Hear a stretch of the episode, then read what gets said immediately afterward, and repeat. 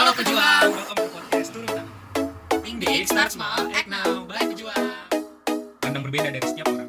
Oh iya, Bapak ber- berguna banget. So here we go. Please welcome Nisa Zaklo. Halo pejuang, welcome to the podcast of Turun Tangan. Nisa, gimana kabar nih? Sehat selalu kan pastinya? Sehat dong, lo apa kabar Klo? Alhamdulillah baik nih. Pagi ini cerah banget gak sih? Iya. Nis, gue pengen nanya nih sama lu. Apa nih? Pernah gak sih lu ngerasain yang namanya ketidakadilan buat para kaum lu nih sebagai perempuan? Ya sebagai bentuk diskriminasi gitu.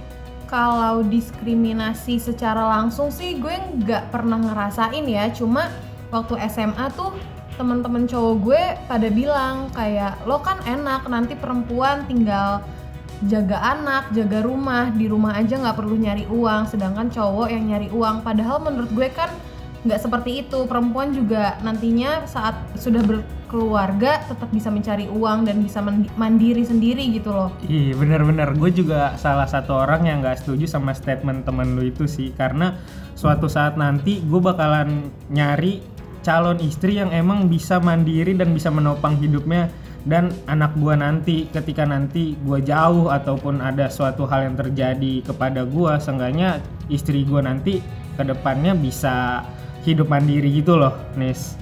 Iya benar. Dan gue juga kaget sih kalau ternyata em, orang Indonesia tuh masih banyak yang berpikiran seperti itu gitu. Kalau perempuan hanya bisa di rumah dan laki-laki cari kerja padahal kan nggak selamanya seperti itu ya kan?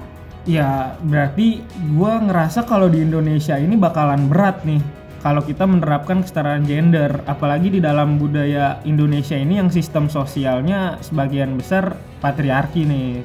Hmm iya benar benar benar. Tapi daripada kita ngomongin temen lu terus nih yang ngasih statement kayak gitu, mendingan kita panggil eh, ada dua bintang tamu yang udah datang hari Oh. ini. Silahkan panggil nih. Ah, panggil. Oke, hari ini kita kedatangan bintang tamu nih. Ada Bang Febri dan Kak Andira. Bolehlah perkenalan dulu. Halo. Halo. Halo. Halo semua.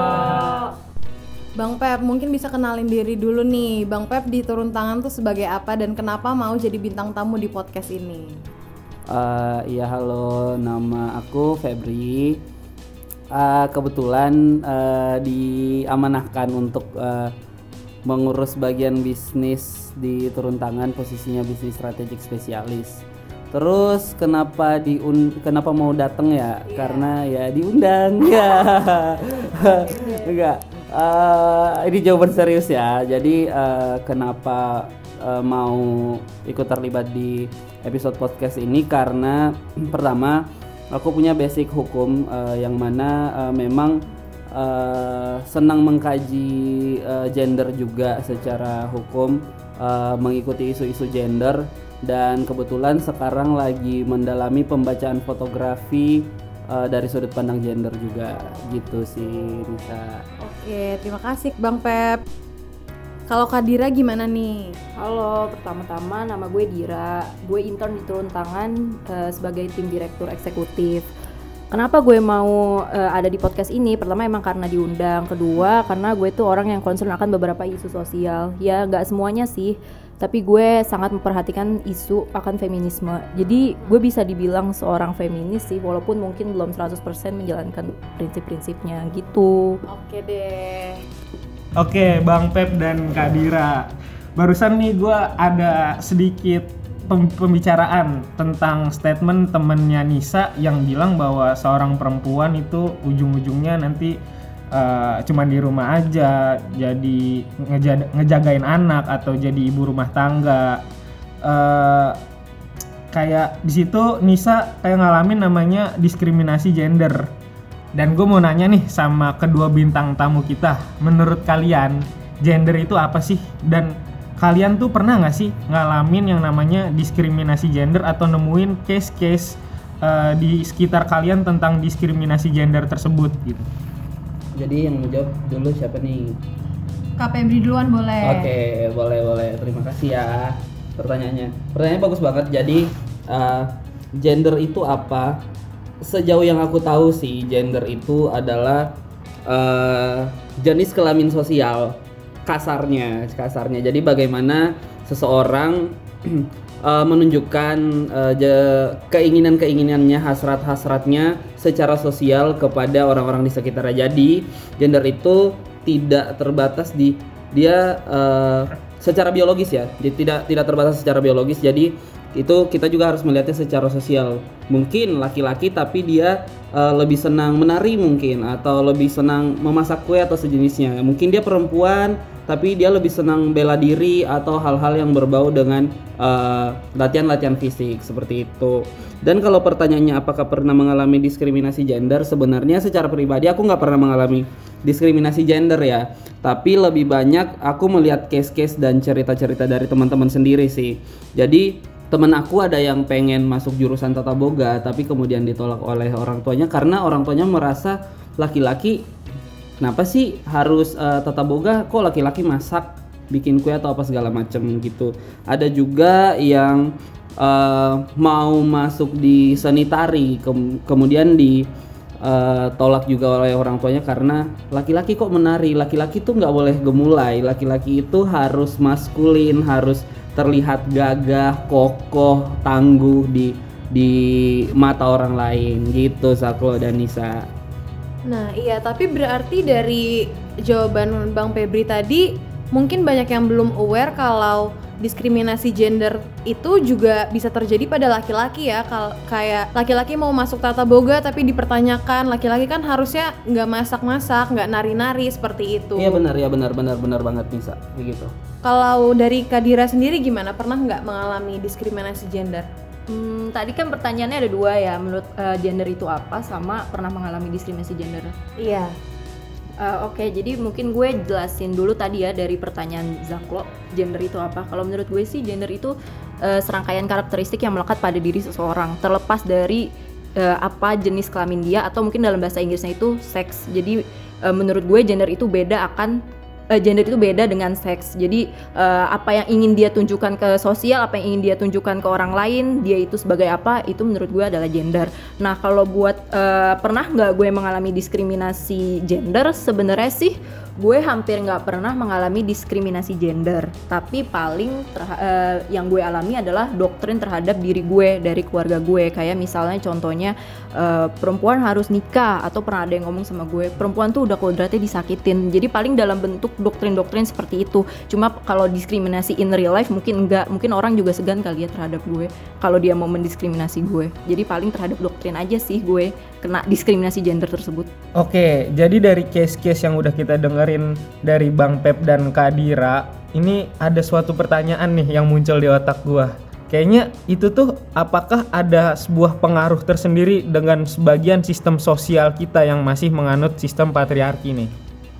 Eh, mungkin dikoreksi ya Zaklo itu eh, bukan menganut tapi lebih kepada itu sudah terkonstruksi sejak awal jadi eh, jika ditanya seperti itu ya jelas gitu diskriminasi gender pengelompokan gender eh, si gender apa harus apa gender mana harus ngapain itu dari awal banget itu sudah terkonstruksi bahkan kalau kita mau menarik eh, timeline sejarahnya itu sudah ada sejak zaman primitif. Jadi zaman itu memang sudah terbagi siapa yang harus berburu, siapa yang harus mengurus anak, siapa yang harus mengolah hasil buruan. Jadi eh, hal itu kemudian yang turun temurun di diwariskan kepada generasi-generasi berikutnya yang mungkin sampai saat ini masih eh, kalau kata Zaklo tadi sebagian dari konstruksi eh, masyarakat kita masih mengamini hal itu adalah sesuatu hal yang benar gitu Zaklo. Oh, berarti konstruksi sosial seperti ini tuh sudah tertanam dari dulu ya, Bang? Iya udah udah emang dari dulu banget Zaklo ada hal seperti itu gitu. Nah, setuju tuh gue. Jadi eh, tadi kan gue udah ngomongin tentang doktrin ya. Nah, biasanya itu dalam suatu keluarga, kalau misalnya nenek lo udah ngedoktrin sesuatu ke nyokap lo, nanti nyokap lo juga ngedoktrin hal tersebut ke lo dan itu tuh biasanya turun temurun. Dan sebenarnya kita ini tuh punya kesempatan untuk memutus hal tersebut dalam hal di, dalam hal di sini tuh adalah patriarki. Mungkin dalam keluarga kita masih ada eh, ranah-ranah patriarki yang mengalir karena sudah menjadi doktrin turun temenu- turun temurun. Cuma kita sebagai generasi yang ibaratnya generasi modern lah kita tuh sebenarnya bisa memutus hal tersebut karena kalau dari pemikiran mereka yang menganggap kalau oh perempuan itu eh, udah kodratnya di rumah aja atau perempuan itu udah kodratnya eh, ngurusin anak aja sedangkan laki-laki udah kodratnya nyari duit. Padahal padahal kan kita sebagai keluarga bisa saling nge- nge-backup saling nge-cover. Dua-duanya bisa sama-sama bisa nyari duit kok. Dua-duanya sama-sama bisa beres-beres rumah kok. Kita bisa sama-sama belajar masak. Kalau emang si perempuan nggak bisa masak bukan berarti laki-laki juga boleh nggak bisa masak. Tapi kita bisa sama-sama belajar masak karena gue sendiri tuh sebenarnya sangat menentang eh, diskriminasi gender tersebut. Karena menurut gue itu kita sama-sama manusia dan kita sama-sama eh, memiliki hak yang setara dalam hal pendidikan kesehatan eh, maupun political empowerment Oh, gue jadi kepo nih sama kalian berdua. Kira-kira di keluarga kalian itu sudah mendukung yang namanya kesetaraan gender nggak sih? Eh, siapa yang harus menjawab dulu nih? Silakan. Bang Febri boleh. Boleh, Bang Oke, Febri. oke, terima kasih. Oke, thank you pertanyaannya Zaklo ya.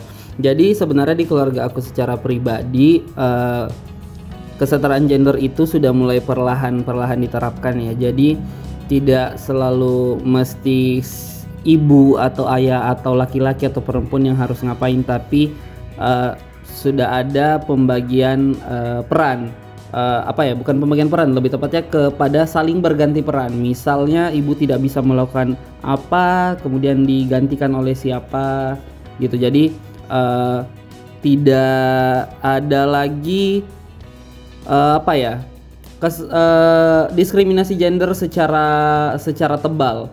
Masih ada sedikit mungkin eh, hal-hal yang eh, bisa kita lihat sebagai diskriminasi gender tapi secara keseluruhan eh, sudah bisa dikatakan bahwa eh, kesetaraan gender di keluargaku sendiri perlahan-lahan sudah diterapkan. Gitu Zaklo. Kalau untuk Kadira sendiri gimana? Nah, sama sih kayak Bang Febri, mungkin tadi dari ceritanya Bang Febri jatuhnya kayak semi patriarki kali ya. Nah, kalau di keluarga gue juga mirip-mirip kayak gitu tuh. Di keluarga gue tuh sebenarnya eh, para nyokap-nyokapnya mereka tuh juga kerja, juga nyari uang dan para eh, bokap-bokapnya tuh eh, mereka juga ikut kontribusi dalam bersihin rumah contohnya nyuci piring atau apa kalau misalnya biasanya lagi lebaran kan pembantu pada pulang kampung tuh dan biasanya kerjaan rumah tuh numpuk nah itu tuh mereka saling nge-backup atau saling nge-cover untuk ngebersihin rumah. Sama halnya untuk dalam hal bekerja cewek-ceweknya sih semua pada kerja ya. Jadi kalau di keluarga gue dalam prakteknya sebenarnya mereka udah secara tidak langsung menjalankan kesetaraan gender. Cuma mungkin kurangnya paling ada dalam doktrin-doktrin aja tuh kayak tadi yang udah gue bahas. Karena doktrin-doktrin tersebut tuh udah turun temenu- turun temurun dari nenek maupun uyut gue. Seperti doktrin yang kayak perempuan harus menikah atau perempuan emang udah kodratnya disakitin kayak gitu cuma mungkin dalam prakteknya keluarga gue sih udah bagus sih menurut gue dalam kesetaraan gender Oh gitu. Tapi untuk Kadira aja yang dibesarkan di kota Jakarta gitu ya masih mengalami diskriminasi gender itu tadi dari keluarga dan dari lingkungan sekitar gitu. Apalagi orang-orang di daerah-daerah kecil yang notabene pendidikan tentang diskriminasi gender ini tuh masih kurang banget gitu. Eh tapi kalau ngomongin pendidikan nih, menurut kalian berdua, apakah pendidikan itu menjadi faktor yang besar nggak sih dalam mengubah ketidaksetaraan gender itu? Eh, iya, jadi menurut aku ya sebenarnya pendidikan itu benar-benar ngaruh banget karena eh, kita tidak bisa mendustai kalau pendidikan itu adalah privilege, jadi hak istimewa yang bisa didapatkan oleh orang. Jadi nggak semua orang bisa bisa punya akses terhadap pendi- pendidikan. Sementara pendidikan itu justru membuka akses terhadap banyak hal, misal tentang bagaimana gender di daerah lain, bagaimana orang-orang menerapkan kesetaraan gender di eh, daerahnya atau mungkin di negaranya. Jadi eh, di sini eh, pendidikan punya peran yang sangat penting di dalam bagaimana kita melihat eh, peran masing-masing gender itu harus seperti apa dan bagaimana kita harus eh, mengisi eh, kekosongan-kekosongan eh, peran itu dengan gender apa seperti itu sih Zaklo. Oh gitu ya bang ya. Iya Zaklo. Coba kalau misalnya aku mau tahu nih pandangan dari Kak Dira, gimana nih? Oke, kalau menurut aku pendidikan jelas berperan sangat besar ya, karena kan seperti tadi yang eh, Kak Febri omongin kalau eh, budaya patriarki itu udah ada dari zaman purba. Nah, berarti kan eh, untuk mencapai pada kesetaraan gender kita membutuhkan pendidikan, karena kita kan merupakan generasi modern. Jadi untuk mencapai eh, kesetaraan gender tersebut kita membutuhkan pendidikan yang mumpuni untuk bisa lebih berkembang, karena kesetaraan gender kan merupakan pemikiran yang berkembang pada eh, seseorang dari zaman dulu hingga sekarang. Jadi jelas pendidikan but- sangat dibutuhkan dalam hal ini. Iya, tadi kan kita udah ngomongin tentang keluarga, tentang pendidikan yang punya pengaruh terhadap cara pandang kita melihat kesetaraan gender. Nah, menurut kalian gimana nih pengaruh pendidikan itu sendiri terhadap pola pikir keluarga kalian mengenai kesetaraan gender tersebut? Oke, mungkin Bang Pep bisa jawab dulu nih pertanyaan dari Nisa. Oke, terima kasih Zaklo dan Nisa pertanyaannya. Jadi eh, memang pendidikan itu eh, bagaimana melihat kesetaraan gender itu sangat-sangat berpengaruh terhadap keluarga kita ya. Eh, mungkin eh, kita bisa melihat bahwa eh, apa yang diajarkan oleh keluarga kita itu eh, bisa terlihat salah. Eh, ini semua karena eh, bagaimana kita bagaimana pendidikan kita saat ini dan bagaimana pendidikan mereka waktu itu. Jadi tapi eh, kalau kita lihat baik-baik, eh, kita telah baik-baik itu sebenarnya nggak sepenuhnya salah. Eh, karena kita juga nggak bisa menyalahkan orang tua kan. Sebagai anak yang baik kita harus berbakti kepada orang tua. Eh, mungkin eh, hal-hal eh, itu eh, pendidikan mereka itu terpengaruh karena keterbatasan informasi pada saat itu dan bagaimana eh, pada saat eh, itu mereka power patriarkinya sebesar apa mempengaruhi cara mereka berpikir. Nah sekarang kita sudah bisa paham nih hal-hal hal-hal kayak gini nih. Kalau yang diajarkan eh, oleh orang tua kita itu eh, mungkin salah, tapi eh, di satu sisi sebenarnya ada hal baik yang bisa kita lihat dari sana yaitu eh, misal kita mengambil contoh eh, perempuan harus bisa masak. Sebenarnya eh, secara sudut pandang kesetaraan gender itu nggak hanya perempuan yang boleh masak, tapi eh, baiknya jika kita melihat eh, secara umum, eh, secara tidak langsung orang tua mengajarkan kita tentang eh, silakan belajar basic survival gitu, Nisa dan Saklo. Kalau menurut Kadira gimana nih? Oke, tadi kan Bang Pep udah jelasin ya versi sudut pandang Bang Pep. Kalau versi sudut pandang gue sih eh, sama, kurang lebih sama. Jadi pendidikan pasti eh, sangat berpengaruh dalam eh, cara keluarga eh, memiliki suatu sudut pandang. Cuma misalnya gini nih, kalau dalam keluarga gue kan eh, nyokap dan bokap gue nih contohnya mereka kan sebenarnya mempunyai tingkat pendidikan yang sama tapi mungkin dengan cara yang berbeda. Cuma mereka tetap punya pandangan yang berbeda akan hal tersebut. Jadi mungkin lingkungan juga sangat berpengaruh. Seperti misalnya eh, bokap gue dulu kuliah di mana atau nyokap gue dulu kuliah di mana. Contohnya bokap gue sampai saat ini dia tuh nggak pernah mempunyai nggak pernah mendoktrin gue dengan hal-hal yang berhubungan dengan patriarkis atau tentang diskriminasi gender atau seperti itu. Intinya kayak dari sisi bokap gue sendiri sih menurut gue dia udah bagus ya. Contohnya juga bokap gue eh, dia bisa mengerjakan pekerjaan rumah dan lain-lain. Dia juga bisa mungkin masak yang kecil-kecil. Karena menurut gue eh, lo membersih-bersih rumah lo masak atau mungkin lo nyetir itu adalah basic life skills umat manusia. Seperti yang tadi udah eh, Bang Pep omongin gitu. Ah, ya benar, aku setuju sih sama Bang Pep dan Kadira. Oh iya, tapi tapi gue boleh nambahin lagi nggak sih sedikit aja sih. Ini nih mengulang apa yang tadi udah gue bicarakan. Pola pikir dalam keluarga itu sebenarnya nggak mesti lo juga harus mengikuti hal tersebut. Sebenarnya emang dari keluarga seperti yang tadi Bang Pep udah omongin, ya nggak bisa kita salahkan ya karena mungkin eh, tingkat mereka dan akses mereka terhadap informasi serta teknologi pada zaman dahulu tuh nggak sebesar kita sekarang. Cuma bukan berarti kita bisa menyalahkan hal tersebut, tapi juga nggak berarti kita harus plek ketiplek ngikutin apa yang keluarga ajarkan terhadap kita. Karena sekali lagi eh, gue bisa bilang kalau eh, kita ini bisa memutus budaya patriarki. Walaupun hal tersebut udah secara turun temurun dari zaman nenek moyang kita dari zaman nenek kita ke ibu kita dari ibu kita ke kita cuma kita bisa memutus hal tersebut dari kita ke keturunan keturunan kita nanti. Jadi sebenarnya kita nggak bisa menyalahkan keluarga kita atau orang tua kita cuma kita juga nggak harus mengikuti mereka karena kita bisa berkembang sesuai eh, peradaban kita saat ini Hmm, ya benar, setuju. Setuju Keren ya. banget jawabannya Kadira. Hari ini- Tercengang kita. Bener, Emang hari bintang ini tamu kita, keren sangat keren-keren banget. Oke kak, dari semua yang udah kita bahas tadi nih, mungkin apa aja sih tantangan yang akan kita hadapi dalam menerapkan kesetaraan gender ini di tengah budaya kita yang masih menganut sistem sosial patriarki? Oke, terima kasih pertanyaannya Saklo. Jadi kita berbicara tentang tantangan ya.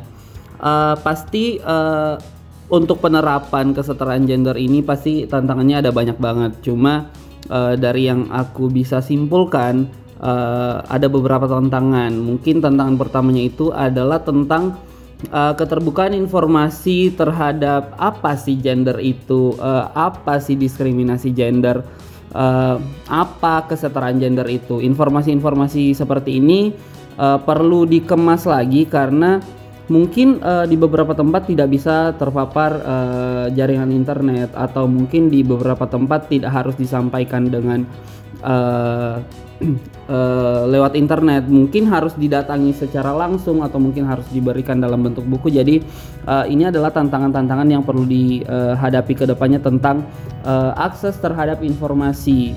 Nah selain itu ya sudah pasti kita akan berhadapan dengan penganut patriarki masih ada beberapa orang yang merasa bahwa laki-laki itu eh, lebih punya power ketimbang perempuan jadi uh, perempuan itu uh, dianggap lemah. Jadi inilah yang ta- uh, tantangan pasti yang akan kita hadapi juga tentang bagaimana sih kita mengedukasi orang. Apakah kita konsisten untuk mengedukasi orang tentang kesetaraan gender, tentang diskriminasi gender, tentang bagaimana uh, mereka harus melihat gender itu secara luas tidak hanya terbatas pada uh, jenis kelamin secara biologis.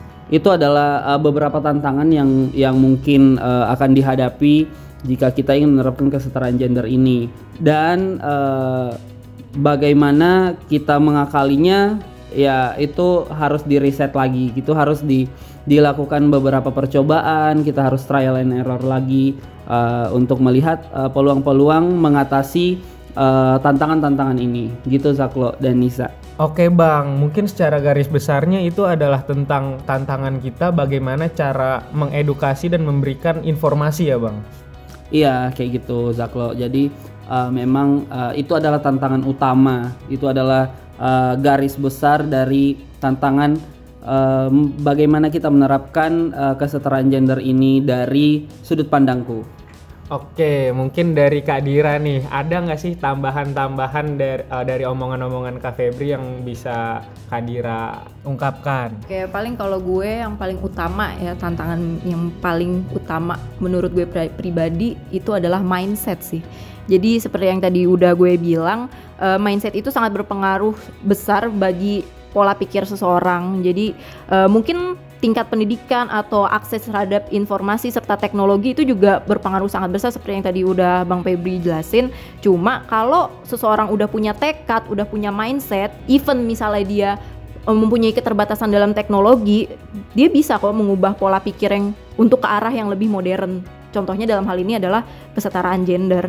Eh, jadi pendidikan itu punya eh, peran penting. Contohnya gini, eh, mindset yang harus ditanamkan, misalnya dalam anak perempuan kita dari kecil harusnya orang tua udah punya andil dalam men- eh, menerapkan mindset eh, pada anak perempuannya. Kalau misalnya kamu harus bisa jaga diri sendiri. Jadi misalnya nanti dia ada kesempatan pas udah besar dia jalan sendiri dia pergi sendiri dia jalan di jalanan gelap atau gang sempit sendiri dia punya bentuk perlawanan diri. Entah itu mungkin dia bela diri entah mungkin dia pasang muka sangar atau apa pun itu. Sama juga seperti mindset yang bisa orang tua terapkan pada anak laki-lakinya. Jadi nggak mesti perempuan doang karena ya untuk eh, penggerak ini kan bukan cuma perempuan doang, laki-laki juga harus punya mindset yang sama. Contohnya eh, orang tua bisa menerapkan mindset ke anak laki-laki kalau eh, dia itu bisa harus bisa melakukan basic life skills seperti yang tadi udah Bang Febri omongin dan eh, gue udah omongin juga. Karena kita juga sekarang hidup pada zaman yang sudah berkembang seperti itu. Aku setuju banget sih sama Kadira dan Bang Febri. Benar, Eh, kayak omongan hari ini berbobot banget ya tentang kesetaraan gender. Iya, jadi lebih terbuka lagi ya Zak Iya, gue jadi tahu tuh ilmu-ilmu eh, apa sih kestanda- kesetaraan gender terus eh, inti dari diskriminasi gender tersebut sampai gue tahu semi pa- patria patria apa? Patriarkis. Oh. Nah, aku mau nanya pertanyaan terakhir nih.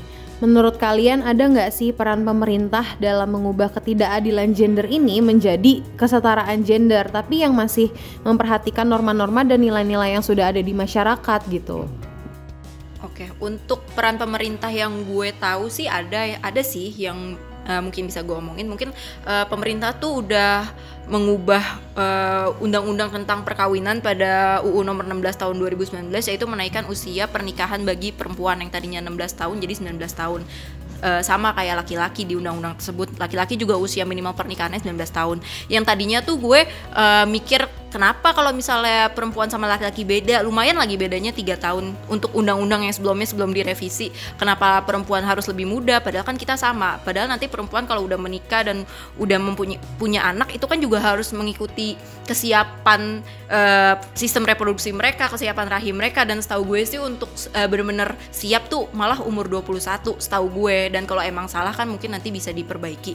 Jadi eh, untuk peran pemerintah itu sih yang gue tahu udah bisa em, apa namanya mengubah diskriminasi gender menjadi lebih setara gitu. Nah contohnya tuh sebelumnya sebelum ini tuh atau mungkin sampai sekarang masih banyak case pernikahan anak di bawah umur kayak anak 12 tahun, anak 13 tahun, khususnya perempuan. Malah harusnya sih eh, most of them perempuan ya yang dinikahin sama orang yang jauh lebih tua atau bahkan ada yang umurnya dua kali lipat tiga kali lipat itu masih banyak banget case kayak gitu. Dan masih banyak banget sebenarnya walaupun tadinya undang-undangnya minimal usia pernikahan 16 tapi banyak banget yang masih di bawah 16 karena ada kayak kompensasi-kompensasi gitu. Kalau misalnya orang tua menyetujui nanti pengadilan juga ikut menyetujui. Nah jadi mungkin untuk ke depannya pemerintah bisa eh, lebih eh, berperan kali ya untuk lebih konsisten dalam pembuatan undang-undang dan biar nggak ada dispensasi-dispensasi eh, kayak gitu yang tadi Urkes udah gue ceritain. Nah, iya mungkin dari peran pemerintah tadi diharapkan juga masyarakat jadi bisa mengikuti untuk membantu menerapkan kesetaraan gender ini ya. Kalau menurut Bang Febri sendiri gimana nih peran pemerintah apa yang sudah dilakukan? Ah, Oke, ya sebenarnya pemerintah ini sudah sudah sudah banyak berperan ya. Cuma memang eh, mungkin skalanya masih kecil. Kalau tadi eh, Dira berbicara tentang eh, undang-undang perkawinan, eh, ada salah satu undang-undang yang kemudian dibentuk oleh pemerintah yang mengakomodir tentang kesetaraan gender. Eh, salah satu pasal di dalam undang-undang ini yaitu pasal 65 ayat 1 Undang-Undang Nomor 12 Tahun 2003 itu mengatur tentang setiap peserta pemilu bisa mengajukan calon dengan memperhatikan keterwakilan perempuan sekurang-kurangnya 30%. Jadi ini kan udah jadi angin segar gitu untuk uh, kesetaraan gender di dalam dunia politik. Karena meskipun masih terasa uh, patriarkis bahwa laki-laki masih harus dominan, uh, laki-laki masih bisa lebih dari 30%. Karena uh, tidak ada pengaturan secara eksplisit tentang bagaimana laki-laki atau kuota untuk uh, laki-laki uh, mencalonkan di dalam kontestasi politik uh, nasional. Mungkin itu perlu diatur juga nanti ke depannya bagaimana, tapi eh, bagaimana pengambil kebijakan aja sih gitu. Ya, Wah, ternyata lumayan sudah ada juga ya peran-peran pemerintah ini untuk kesetaraan gender. Oke, terima kasih nih untuk Bang Febri dan Kak Andira yang udah mau mampir dan berbincang-bincang sama kita di episode hari ini. Mungkin ada pesan yang bisa disampaikan untuk para pendengar dari Bang Febri? Oke, terima kasih juga ya udah diajak main-main ke sini. Eh, mungkin pesan aku buat eh, para pejuang di turun tangan ya. Eh, perjuangan itu bukan tentang siapa yang di depan atau di belakang. Perjuangan itu tentang bagaimana kita saling mengisi peran satu sama lain untuk saling support perjuangan kita. Terlepas dari apa pun gendernya gitu Nisa. Waduh, kalau dari Kak Andira? Oke, mungkin kalau dari gue sih mungkin mulai sekarang kita cont- eh, terutama anak-anak muda mungkin lebih membuka pikiran kita agar kita lebih memiliki mindset yang lebih berkembang karena kan kita sekarang sudah mendapatkan akses pendidikan, teknologi, internet segalanya lebih besar dibanding pada zaman dulu kan. Jangan sampai kita juga masih mempunyai pemikiran kolot seperti orang-orang pendahulu kita karena kita sekarang sudah memiliki akses yang sangat besar, mungkin eh, kita sekarang bisa mengubah dan menanamkan mindset yang lebih berkembang. Contohnya kalau sebenarnya kita itu tuh setara gitu. Wah, sangat bermanfaat ya. Jadi nih pejuang kesimpulan hari ini dari obrolannya bahwa gender itu adalah serangkaian karakteristik yang melekat pada diri seseorang terlepas dari jenis kelaminnya. Kesetaraan gender itu adalah di mana kita sama-sama manusia yang punya hak dalam hal ekonomi, pendidikan, kesehatan, dan politik empowerment. Dan pendidikan tuh menjadi salah satu faktor besar eh, dalam menerapkan kesetaraan gender loh. Nah, untuk tantangannya sendiri itu ada yang dibilang dari Bang Febri dan Kak Andira tadi bahwa ada kurangnya informasi dan akses terhadap informasi mengenai kesetaraan gender itu. Serta mindset juga yang dimiliki masyarakat generasi sekarang tuh harus diubah dan bisa mengikuti peradaban saat ini. Berarti dengan budaya patriarki ini bukan berarti kita nggak bisa menerapkan kesetaraan gender, tapi kita harus lebih siap menghadapi tantangan-tantangan tadi. Segini aja episode hari ini. Terima kasih banget nih buat Bang Febri dan Kak Andira udah mau jadi bintang tamu. Ya, gue mau ngucapin terima kasih juga kepada Kak Dira dan Bang Pep udah ngeluangin waktunya untuk ngisi suara di podcast ini. Ya, terima kasih loh udah diundang ke sini. Ternyata tempatnya sangat mengasihkan ya. Eh, sering-sering main ke sini lagi ya Bang Pep ya. Iya, Zaklo. Gimana Nisa. Kak Dira? Sama-sama Zaklo dan Nisa dan makasih juga ya udah diundang ke podcast turun tangan kayak kesempatan yang bagus banget nih buat ngisi podcast ini. Oke, mungkin segini aja episode kali ini. Jangan lupa dengerin episode-episode selanjutnya. Think big, start small, act now, baik pejuang.